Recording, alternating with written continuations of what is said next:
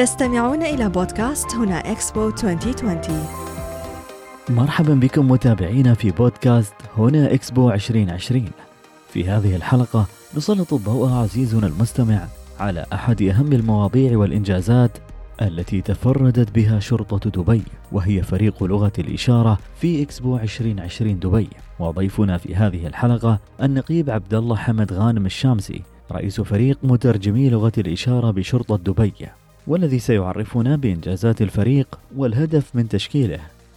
تفعيلا لرؤية صاحب السمو الشيخ محمد بن راشد آل مكتوم لجعل مدينة دبي مدينة صديقة لأصحاب الهمم.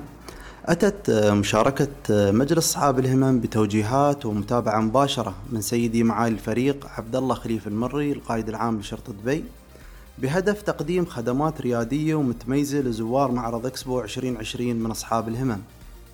وذلك عن طريق فريق مترجمي لغة الإشارة الذي يعتبر الأول من نوعه على مستوى الدولة ويقوم هذا الفريق بتقديم خدمات ترجمة لغة الإشارة لجميع الزوار من فئة الصم واحتواء مشاكلهم واحتياجاتهم كما أن جميع أفراد الفريق مدربين معتمدين على كيفية التعامل مع أصحاب الهمم من جميع الفئات سواء جسدية أم ذهنية أم بصرية.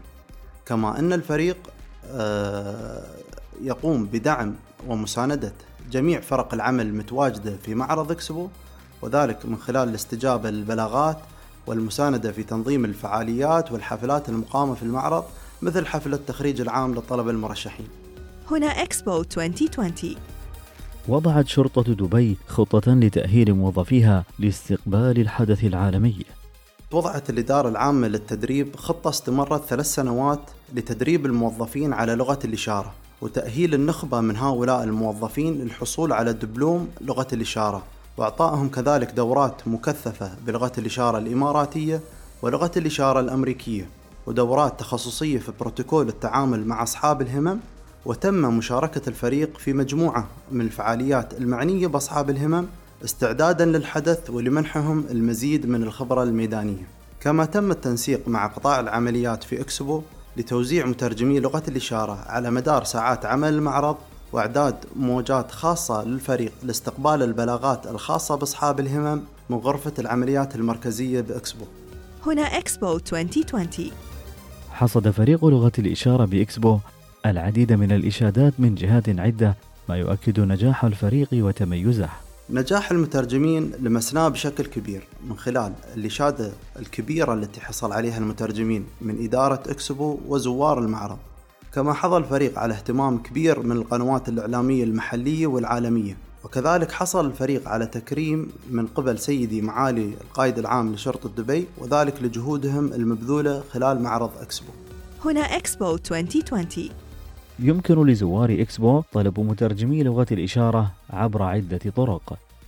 مترجمي لغة الإشارة متواجدين في جميع أنحاء المعرض ويمكن طلبهم من خلال استقبالات مراكز الزوار الموزعة في معرض إكسبو أو طلبهم من قبل الموظفين المتواجدين على بوابات إكسبو أو عن طريق مراكز الشرطة الذكية المتواجدة في المعرض.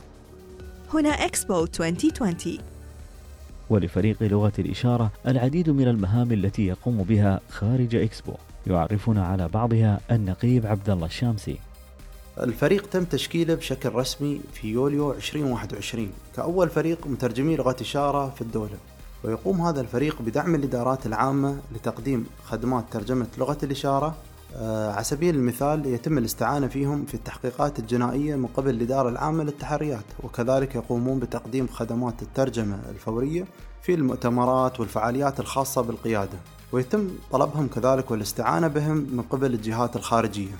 كما أن أعضاء الفريق مدربين معتمدين في القوة ويقومون بإعطاء دورات لغة الإشارة وكيفية التعامل مع أصحاب الهمم لجميع إدارات القوة مثل تدريب موظفي الإدارة العامة لأمن المطارات وتدريب الإدارة العامة للمرور وكذلك تدريب الطلبة المرشحين والمستجدين في أكاديمية شرطة دبي.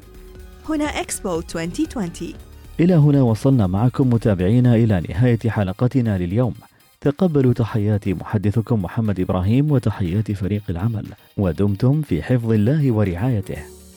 استمعتم إلى بودكاست هنا إكسبو 2020